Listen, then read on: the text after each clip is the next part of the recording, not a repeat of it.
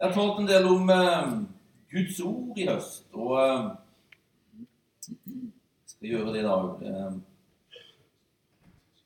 det blir liksom avslutningen på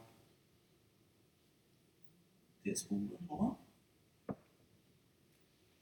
Den multitaskingen.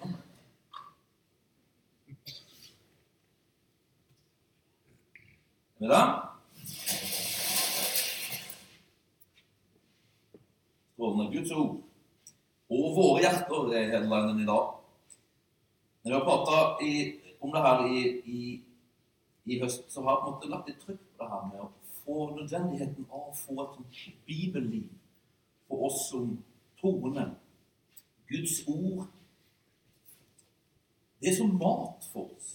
Jesus sier lever ikke av eh, brød alene, men at hvert ord som utgår fra Guds munn. Det er mat for oss. Det er sånn han tenker på barna våre hjemme. Det er alltid kjempepopulært å spise. Men vi legger et visst trykk da på at de skal spise maten sin. Altså Det handler på en måte ikke om at eh, hvis ikke du spiser maten din, så er det ikke mitt barn. Det er fortsatt mitt barn. Men jeg vet at uten mat så, så, så vokser ikke Signe og Theodor opp til uh, sunne, sterke mennesker.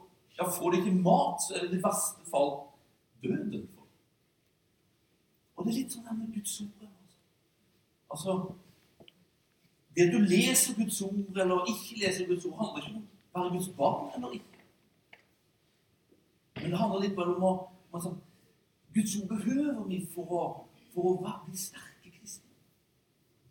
Å kunne i tøffe tider. Derfor er jeg tenkt å en tro som overlever. Så behøver vi som kristne å få, å få Guds ord inn i sånne jevnlige porsjoner. Så dette, Vi må ikke lese eller høre på Guds ord for å være kristne, men allikevel så må vi. Viggo Klausen har sånn herlig peken på det her, egentlig på denne teksten jeg skal tale med deg. Han sier bare at Guds ord bare, Jeg bare må ha det! Jeg bare må ha det! Så det er motto. Bare må ha det. Markus 4 skal vi gå til i dag. Og Markus 4 det er en sånn en, det er en sånn en, tekst som jeg ofte liksom havner i når jeg skal om Guds ord. Det er veldig naturlig. Eh, det er en utrolig rik liksom, tekst. På Bibelskolen i Sverige så hadde jeg tre leksjoner om Markus 4. Så det, er, det er sånn utømmelig. Jeg talte om det på verket for noen uker siden. så talte det, litt, liksom litt annerledes i dag enn det var på verket. Så hvis du var der, så må du ikke liksom stenge ørene og hjertet og reise. For det, eh, det kan bli liksom andre perspektiv på ting her i dag. Vi skal lese fra vers 1 til 9, som er sjøl liksom denne, denne lignelsen, denne undervisningen, denne prekenen egentlig, som, som eh, Jesus eh, taler. Vers 1. Jesus begynte igjen å undervise folket nede ved sjøen. Det samlet seg en så stor folkemengde omkring ham at han måtte gå ut i en båt og sitte i den ute på sjøen, mens hele folkemengden sto på land, helt ned til vannkanten. Han underviste de om mange ting og la fram sin lære i lignelser. Hør, sa han. En såmann gikk ut for å så, og da han sådde, falt noe ved veien, og fuglene kom og tok Noen, noe falt på steingrunn hvor det var lite jord, og det skjøt straks i været fordi jordlaget var tynt. Men da solen steig, ble det svidd og visna fordi de ikke hadde fått slå rot. Noe falt blant tornebusker, og tornebuskene vokste opp og kvalte det, så det ikke bar frukt. Men noe falt i god jord. Det skjøt opp, vokste og bar frukt 30, 60, ja 100 ganger det som ble sånn. Han sa, 'Den som har ører å høre med, hør'. Det er jo merkelig preken. Da stopper han, sier amen, inviterer vårt lovsangstime og setter seg. Hva sitter folk igjen med en sånn preken? Men det er faktisk en preken som liksom blir, kanskje blir prata om kjempelenge, fordi man fatter ingenting. Sikkert ikke en preken som man kanskje hører kjempe på podkasten eller på høye terningkast. Jesus preken. Amen. Hva for reaksjoner vekte de her orda. Og man kan bare tenke liksom, hva slags liksom, reaksjoner som oppsto av de her orda som Jesus taler. Jeg tenker noen kanskje ble provosert. Iallfall hvis du på en måte kommer fra Hulda, der du vokste opp i jordbruk. Han alt om jordbruk, så kommer denne snekkeren, da. Så blir det noen om hvordan man skal drive jordbruk. Man blir provosert. Hvorfor kommer du her og, og liksom prøver liksom å, å belære meg? Men jeg kan jo det her. Det har jeg hørt mange ganger før. Når jeg var liten, så lærte jeg meg det. Altså, det her vet jeg bedre enn du. Hvorfor kommer snekkeren her og underviser meg som er bonde om hvordan jeg skal drive jordbruk? Og så plutselig han går provosert der. Det er helt tydelig at mange reiser fra det. Det er ikke derfor. Altså, når man provosert. Og er det ikke sånn, tenkte jeg da jeg leste det, er det ikke sånn med Guds ord òg i dag? At noen blir provoserte av det Jesus sier. Og forkaster det han sier på grunn av Kanskje det var folk her som eh, ikke var spesielt bevandra i jordbruk. Kanskje det var fra Arendal. Ikke peiling. Men nå, nå kanskje man fikk en annen reaksjon. Der fatter jeg ingenting. Det her er gresk for meg. Fatter ingenting. Og så bare rister man på hodet og sier at denne den predikanten det er ingenting å høre på. Det her gir jeg bare opp. Og så reiser man. Det er kanskje sånn at noen av oss har det i møte med Guds ord. At det her fatter jeg ingenting av. Hater han. Så lar vi det ligge, så leter man opp neste kilde istedenfor. Eller kanskje man reiser derfra litt spørrende. Lurer på hvorfor verden man skulle prate om jordbruk. Kanskje man er fra overlandsseier. Man har hørt om jordbruk, men det er ikke så veldig relevant. Kan ikke komme noe relevant i stedet. Jordbruk er relevant for de på Hurv, men ikke for oss på overlandsseier. Og så reiser man derfra litt sånn spørrende hvorfor ikke. Hva skal vi bruke det her til? Hva er det her til for? Og så dømmer man ut fordi det ikke er relevant for meg. Jeg tenker at sånne holdninger kanskje vi finner blant mennesker i dag. Det ser ut som at mange bare reiser fra det her møtet uten å spørre, uten å søke svar på hva Jesus faktisk ville med det han sa. Men så er det noen som. Så er det noen som blir, og så er det noen som har en, en annen holdning. Da de kanskje kjente på provokasjon. Da de kanskje kjente på uforståelse og spørsmål. Men de ble allikevel der. Og spør ham. Det så videre. Men ikke alle dro derfra. Han var blitt alene med de tolv og de andre som var med ham. Spurte de ham om lignelsen. De spurte ham om lignelsen. Så svarer han til dere er hemmeligheten om Guds rike gitt. Men til de som er utenfor, blir alt gitt i lignelser, for at de skal se og se, men ikke skjelne, høre og høre, men ikke forstå, så de ikke vender om og får tilgivelse. Det er som at han roser de som blir der, de som kommer, de som spør. Det er som at han sier til dem her hos meg Her fins innsikten og her fins forståelse. Og jeg tror det, det er noe med, med Guds ord det, det, det, er som at det, Gud søker en holdning hos oss. Altså, Det er som måten han gir sitt ord og sine tanker til oss på. Hvor mye enklere og mye greiere hadde det ikke vært for oss som Jesus om han bare liksom gitt liksom 50 punkter. En handlingsplan, en matoppskrift, altså i punktvis. Gjør det, Gjør ikke det. Begynn med det. Slutt med det. Det hadde vært kjempegreit.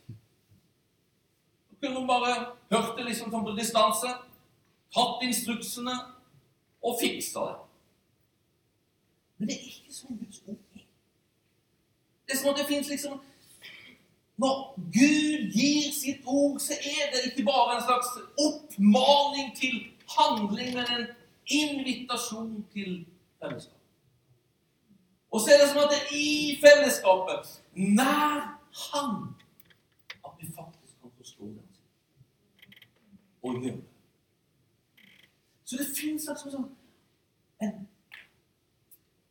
en hjerteholdning som Gud søker hos oss.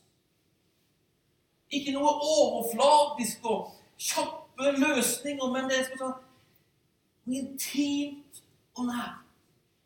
Der, i den situasjonen, der fins innsikt. Der fins hemmelighetene.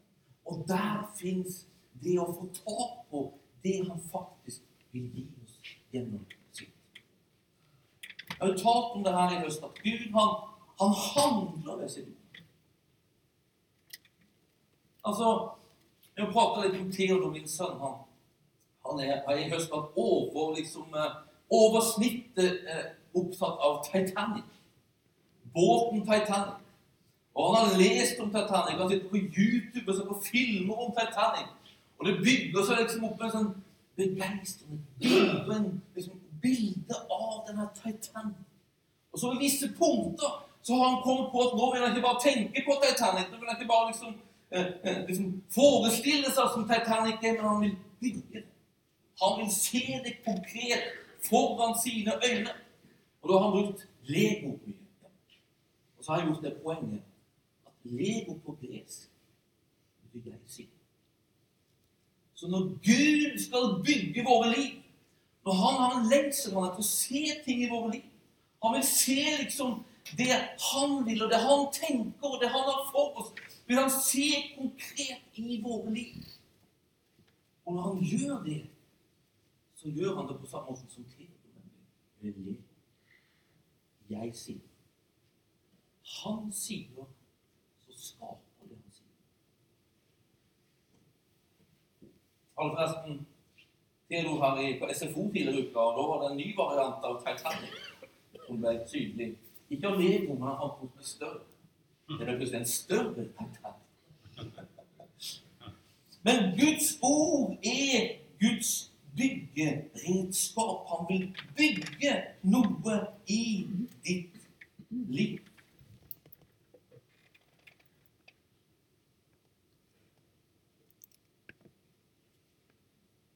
Det får tak på det.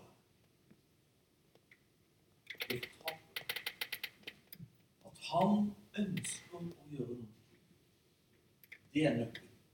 Og så det får tak på hvilken plass skjer Hvilken hjerteholdning må jeg ha? Er det ytelig eller distansert, eller er det noe annet?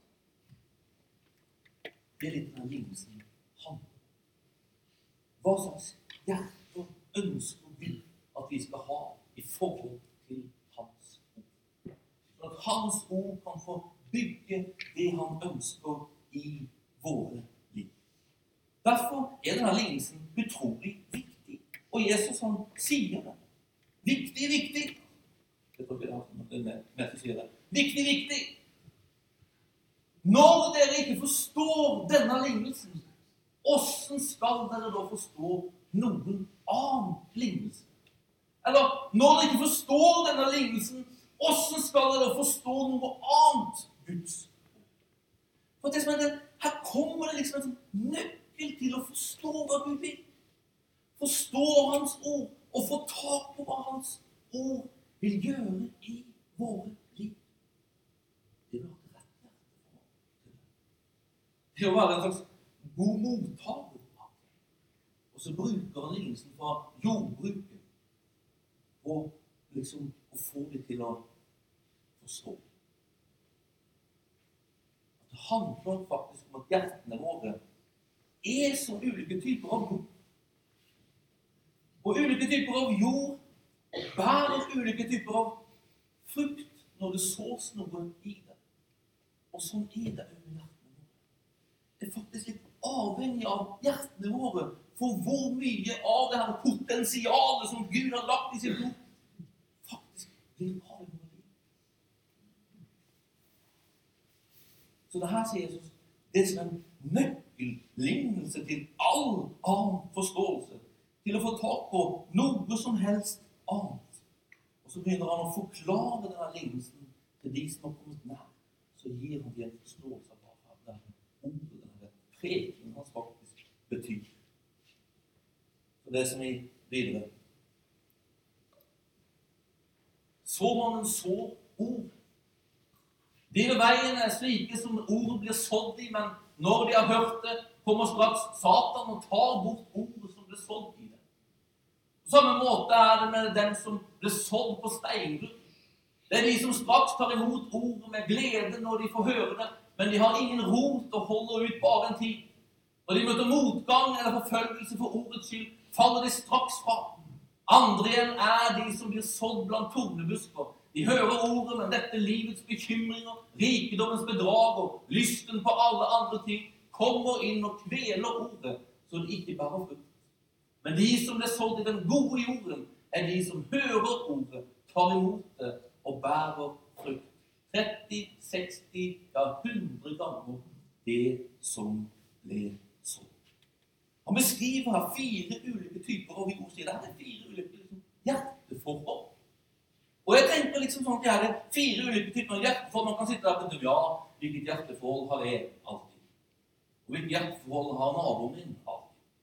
Men jeg tror at vi alle på en måte egentlig står der at vi kan være i de ulike typene av jord til ulike tider. Så her fins det på en måte noe for alle.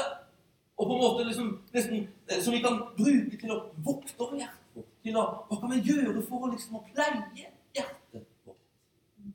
Altså Den første typen av jord, det, det, det er det herre som blir sådd ved veien. Blir sådd ved veien. Jo, det er som at Satan kommer og tar bort ordet som ble sådd. Altså Det er som at djevelen han er ute etter å stjele Guds ord.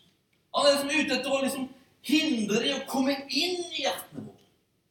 Han vil liksom få oss til å gi opp Guds ord. Han vil få oss til å forkaste Guds ord. Altså, Sånne tanker om hva er det har, har, noen gang har kjempa med sånne tanker? Bibelen er umulig å forstå. Hvor mange kjenner seg igjen i det? Det gjør Hvor mange finner at Bibelen er kjedelig? Jeg kan synes det. Av og til.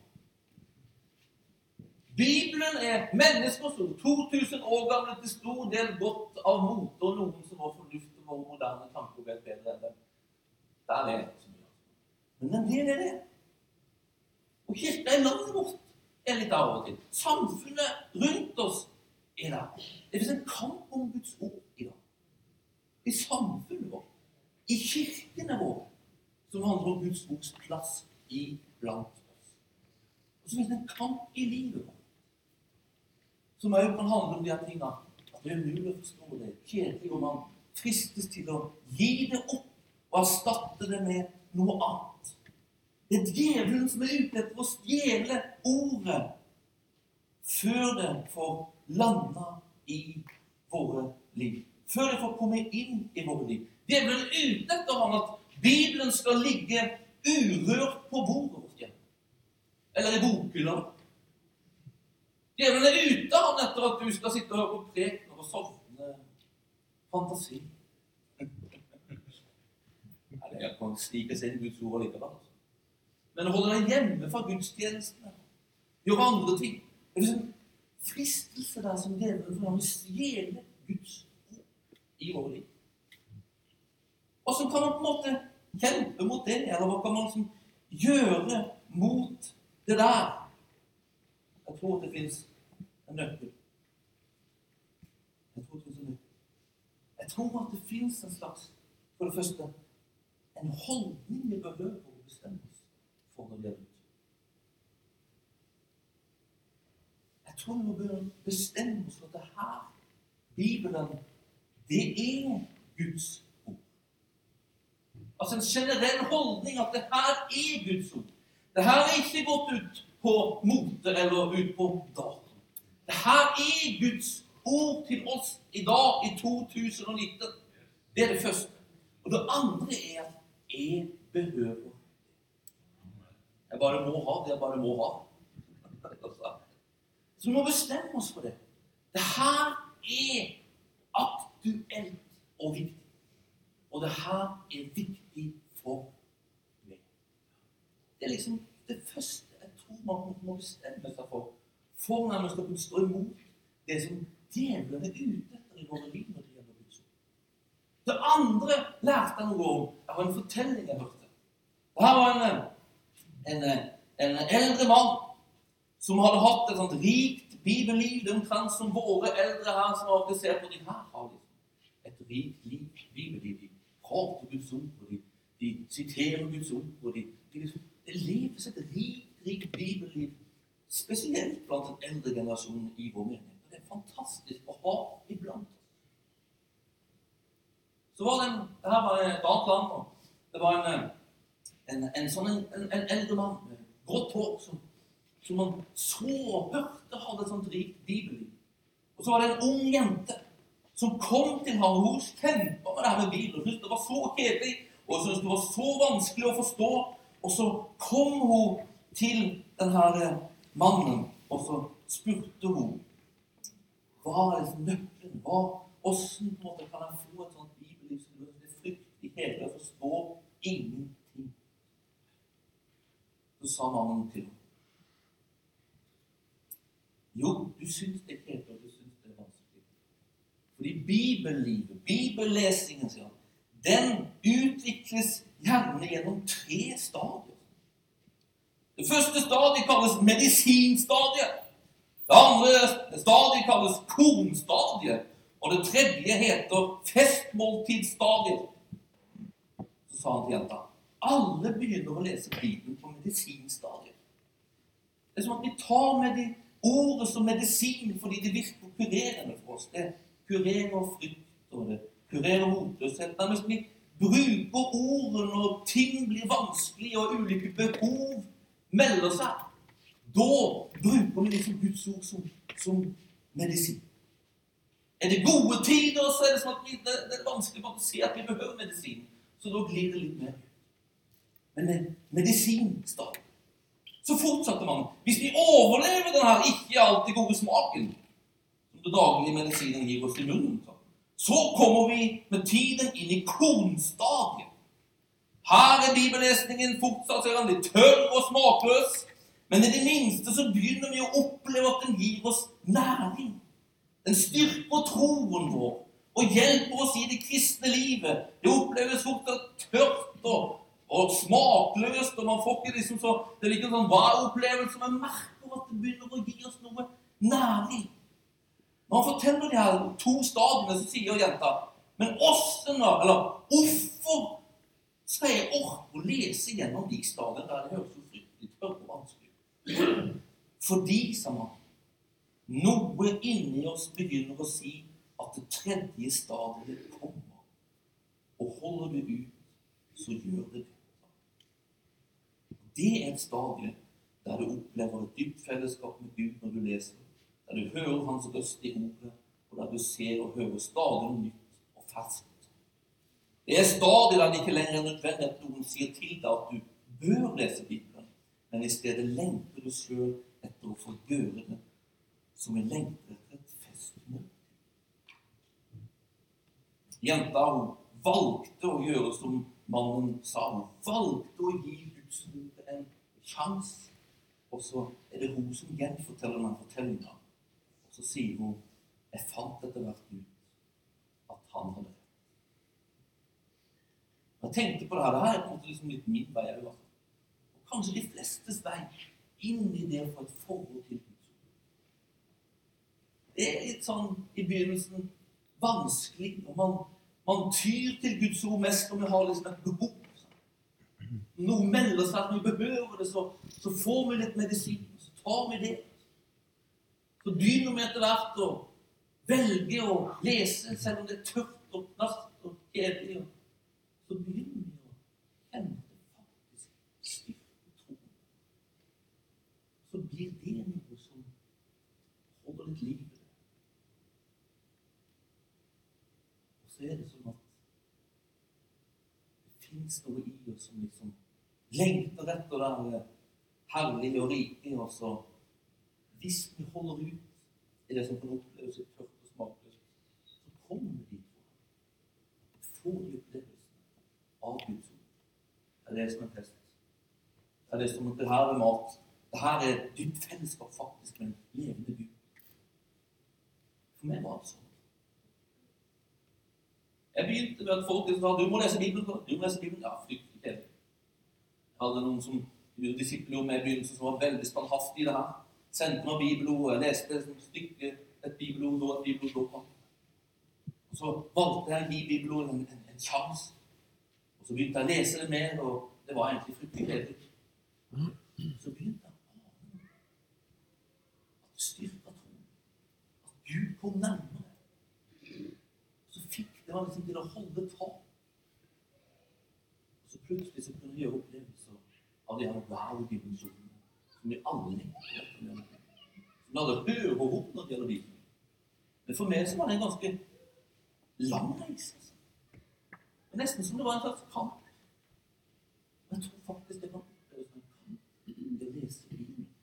Og det holder fast ved å lese Bibelen. Men jeg tror at det fins en, en lønn tror det fins et sånt fellesskap med Gud, et møte, en møteplass med Gud i Hans ord, som han ønsker at vi skal oppleve det. Men det skjer ikke gjennom 50 punkter av 'gjør, ikke gjør, begynn med, slutt med'. Det skjer gjennom et fellesskap i Hans ord, med Han som har skrevet det. Så hold ut. Troa er en nøkkel.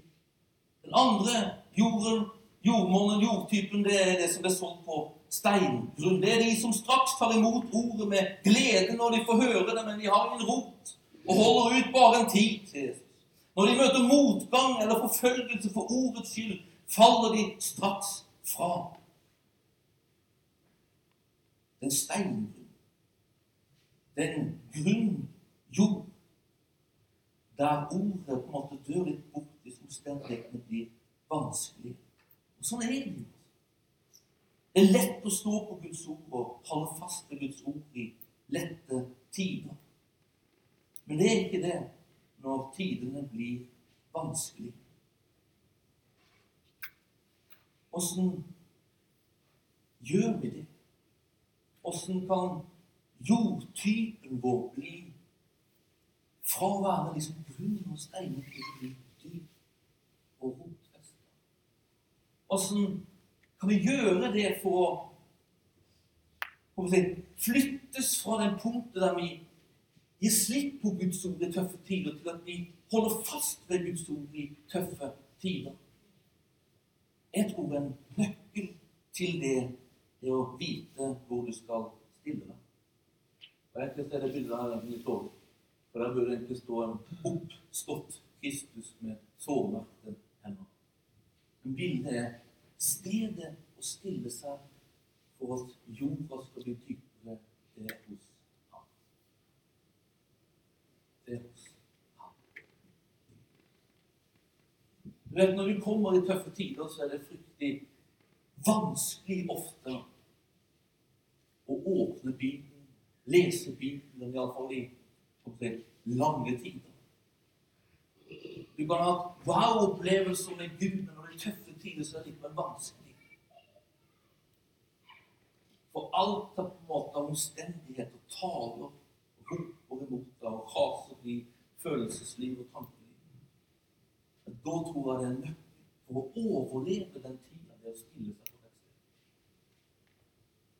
Det er ikke da din disiplin er svaret. Det er ikke da på en måte din din, din dyktighet og, og, på en måte din evne til å forstå Bibelen er svaret. Altså Det å være Guds ord er en del av det å stille seg hos ham. Men nøkkelen er på en måte å feste blikket på ham. På ham. Og jeg tror det er en sånn nøkkel i våre liv å lære oss hvor vi skal stille oss. Og Martin Rehn talte utrolig fint om det her sist søndag. Om det her, det her denne tiltale ifra Gud, det her ropet fra himmelen til du om at min nåde er nok Og i tøffe tider så tror jeg på en måte det viktigste å lære oss, det er å stille oss hos. For jeg tror det eneste stedet vi kan klare å stå i tøffe tider, det er tett på ham. At I tøffe tider så innser vi at vår styrke den holder ikke spesielt langt. Men jeg tror at i tøffe tider så finnes det potensial for å lære oss at hans styrke holder hjemme. Holder hjemme. Det kristne livet det handler ikke om at vi skal gå en distanse for å berøre ham så mye at Han velger å komme til oss. Det handler om en Gud som velger å komme til oss der vi står. For å møte oss, for å styrke oss, for å sette oss i stand for den vandring som vi er kalt til å leve her i dag. En vandring som ikke er utlova som en sånn spikrak vandring på rak mark. På svensk sier man at man, at man glider på en rekmakke. Men hvis du lever liksom bare på framgangsbølgen Det er ikke det livet som beskrives som en kristen. Det er et liv som består av iblant tøffe tider, motgang. Dødsskyggens dag kan det være. Fjell som skal bestiges, fjell som omringer en. Men hans tanke er ikke at vi skal vandre den, og så møter han oss på andre sida. Hans hans tanke er at vi skal forstå og se at han vil være med oss fra begynnelsen. Og han vil være den som setter oss i stand for den reisa. Jeg tror at i det her, der vi står hos han, der vi ser at vi kan stille oss der uansett åssen det ser ut i vårt liv Uansett om man har lykkes å åpne Bibelen eller ikke, så kan vi stå der. Så vil han på det stedet kan er, øse av sin nåde og sitt liv, sin kraft og sin styrke. Sånn at vi kan klare det livet som vi går for. Dette er Han som alltid vil være med oss, og Han som alltid vil føre oss igjennom. Han som har makt til å selv i dødsskyggens dal være der og beskytte oss. Det er Han som har makt til å kaste fjell i havet.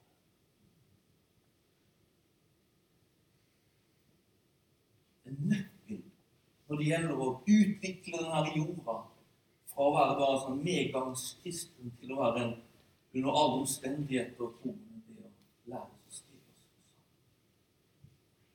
Det er Han som setter oss i stand. Det. Er Han som gjør at jorda vår blir dypere, tryggere på ham, som gjør at vi kan holde fast ved Hans ord og Hans løfter jeg tror det er nøkkelen. Når det gjelder jordmonn. Det gjelder egentlig alt. Men her, når det er motstand og motgang, så er ikke løsningen nødvendigvis at vi intensiverer vår innsats. Men jeg tror løsningen ofte er å kapitulere hos ham. Amen. Den som Det som sås blant tisken Det er opptatt jord. Jeg tror at det er en sånn en fare for oss i dag at vi blir opptatt av alt mulig annet. Av alt mulig annet. Men det fins òg en, kamp rundt oss. Hvordan? Igjen, jeg tror nøkkelen, Den første nøkkelen med å utholde Bibelen, jeg tror den andre nøkkelen med å stille oss på rett sted, den nøkkelen for å utvikle den jorda som er full av kristne. Så tror jeg på en måte på, på en bestemmelse når det gjelder det. Trykk tilbake til det som vil ta av oss. Min gamle pastor i Sverige han brukte å si Alltid var det mange så opptatt av at det var så tøft og vanskelig og hardt å kristen. Sa han ja, når jeg opplever når noe trykker på meg, da bare trykker jeg tilbake. Det er noe i det. Det å ta tempen på jorda si. Hva er livet mitt fullt av? Hva er påvirkningene i mitt liv? Og så tar man valg der. Hva bruker jeg pengene mine på? Er det med og mitt? Det fins en makt i det materielle som vil stjele all vår oppmerksomhet og all vår kraft. Når Jesus sier det her med denne jorda, så sier han at det er de som er, som er på en måte opptatt si, med bekymring og begjær. Og det materielle føder de to liksom, Det finnes to krefter i det materielle som handler om bekymring og begjær. Hvorfor? Fordi det materielle roper 'Du holder ikke. Du må ha mer'. Det er aldri nok. Og den fella stilles liksom innenfor oss. Den faren står innenfor alle mann. At det blir ikke nok. Og så blir bekymringen, så blir begjæret, det som fyller oss, preger oss og bestemmer hvordan vi prioriterer og velger i vårt liv. Han ønsker å ha plass i vårt liv. Han ønsker at hans ord skal få plass i vårt liv, så han får gjøre sitt verk. Hans tanke er ikke at bekymring og begjær skal være det som former ditt liv. Hans tanke er at hans ord skal få forme ditt liv. Du behøver vi gi det plass.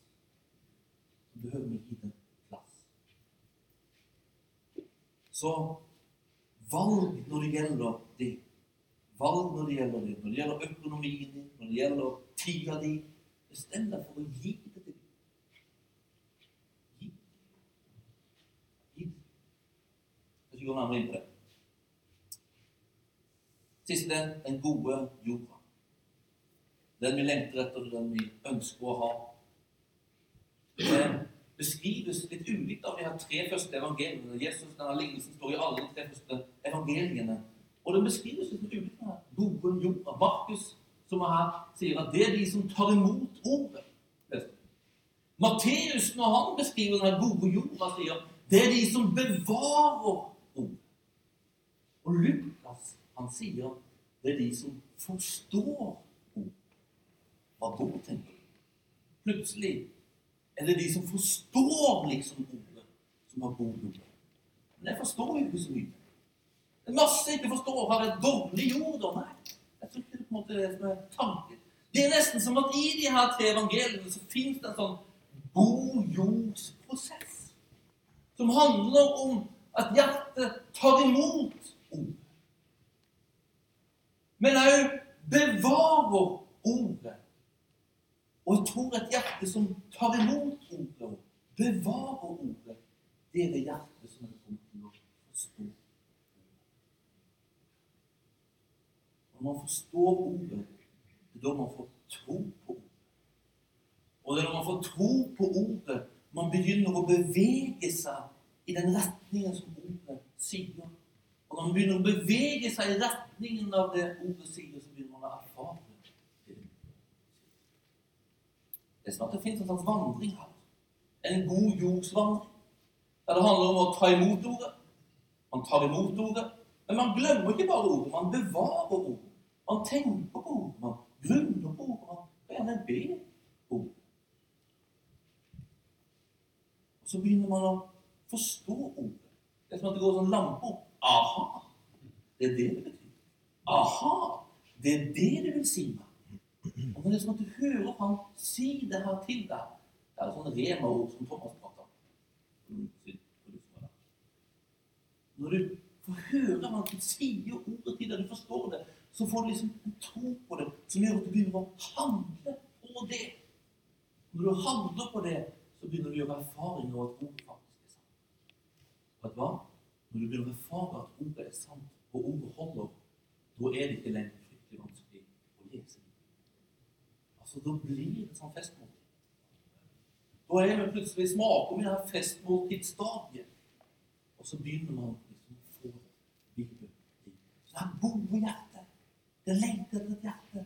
Å ha et godt hjerte der vi tar imot ord. Man har plass til ord, man leser ordet, tar imot ord. og så velger man å bevare ord. Tenker på det. Bruker tid på det. På den veien så begynner jeg å forstå ord. Så oss. Det en bokstav. Spennende. Det blir spennende. Jeg spør Bjørn. Er det spennende med Guds ord, eller det ikke?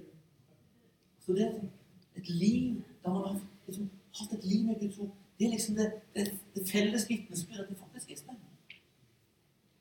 Og Det er det her Jesus ønsker å lære oss litt om i denne lignelsen som forteller i Markus 4. Amen.